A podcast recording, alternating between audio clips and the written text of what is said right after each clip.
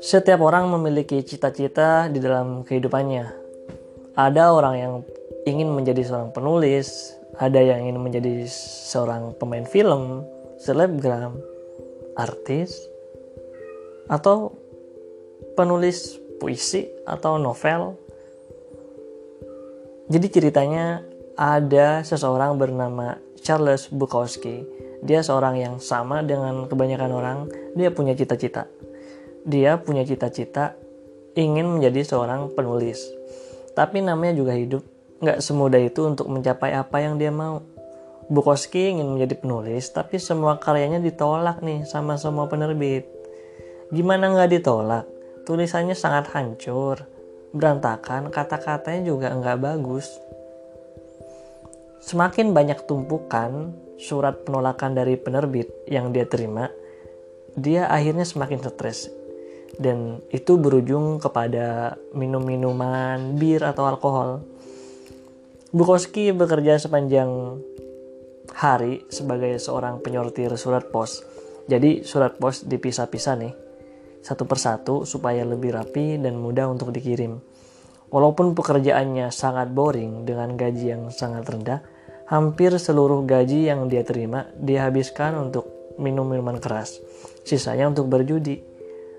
Kadang kalau udah bingung mau ngapain lagi, baru deh sisa-sisa waktunya digunain untuk nulis sebuah puisi. Kehidupan Bukowski sangat buruk. 30 tahun dihabiskan untuk hal-hal yang tidak berarti sepanjang hidupnya dihabiskan untuk minum minuman atau kalau nggak gitu berjudi atau kalau nggak gitu mainin cewek. Pada usia 50 tahun setelah dia benci dengan kehidupannya sendiri, ada seseorang editor yang tertarik dengan dirinya. Editor itu memberikan kesempatan dan itu adalah hal yang membuat dia tidak bahagia lagi ya wajar lah orang udah usia 50 tahun ngapain bahagia lagi tapi Bukowski menjawab tawaran editor itu seperti ini aku hanya bisa memilih satu dari dua pilihan ini tetap kerja di kantor pos dan tetap sinting atau pergi keluar menjadi penulis dan kelaparan aku mending memilih kelaparan deh bodoh amat Bukowski menulis buku pertamanya kemudian yang berjudul Post Office. Dia menulis buku pertamanya hanya dalam waktu tiga minggu. Semenjak itu, dia menjadi terkenal. Dia sudah menulis 6 novel dan menjual lebih dari 2 juta kopi. Dia nggak pernah ngebayangin akan menjadi sepopuler itu.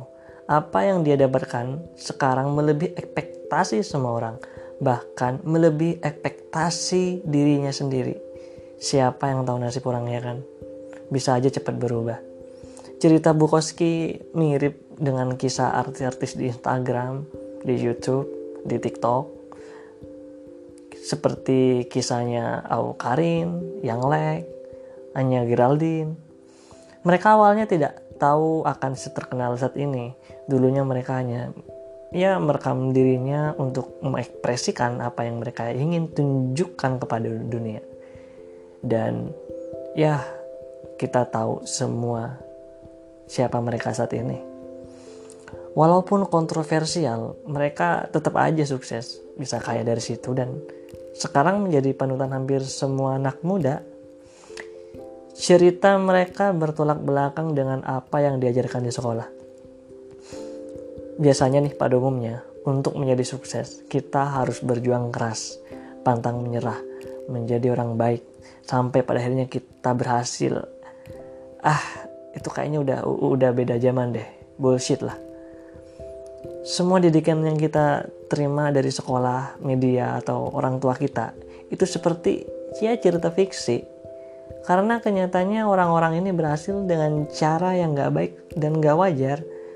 Bah, bahkan mereka nggak tahu bahwa yang mereka lakuin bisa membawa mereka ke arah sana ke arah sukses coba deh lihat walaupun Bukowski menjadi terkenal nyatanya dulu dia adalah seorang penyeduh alkohol suka main judi dan suka main cewek keberhasilan yang dia dapetin juga bukan dari suatu kegigihan untuk menjadi orang sukses, tapi dari kejujuran tentang dirinya bahwa dia seorang pecundang. Lalu dia tulis kisah hidupnya, dia terbitkan dan berujung pada kesuksesan. Dia mungkin gak pernah punya pikiran untuk nge-branding dirinya menjadi orang lain. Kehebatan Bukowski ada pada kejujurannya tentang bagaimana dia menjalani kehidupannya. Kemudian dia tulis sejujur-jujurnya tanpa peduli apa yang orang lain pikirin. Ah, bacot, ngapain sih mikirin pendapat orang lain? Ini kan hidup gue. Ini kan hidup semua tanggung jawab gue. Ya mungkin itu yang dia pikirin. Bukowski nyaman dengan cerminan dirinya sendiri bahkan walaupun dia terkenal, dia masih aja suka minum, suka berjudi, suka main cewek, dan dia tetap aja berkata-kata kasar. Jadi pada intinya, kesuksesan yang dia dapetin nggak ngerubah tentang siapa dirinya. Dan dia tetap sukses dengan kebrengsekannya. Kita saat ini punya budaya di mana kita terobsesi untuk mencapai impian-impian yang susah untuk kita capai.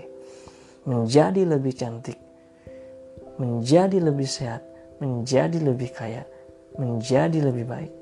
Seolah-olah kita ini dituntut untuk melakukan sesuatu yang bermakna. Misalkan nih, nyelamatin dunia. Bodoh amat lah, boro-boro nyelamatin dunia.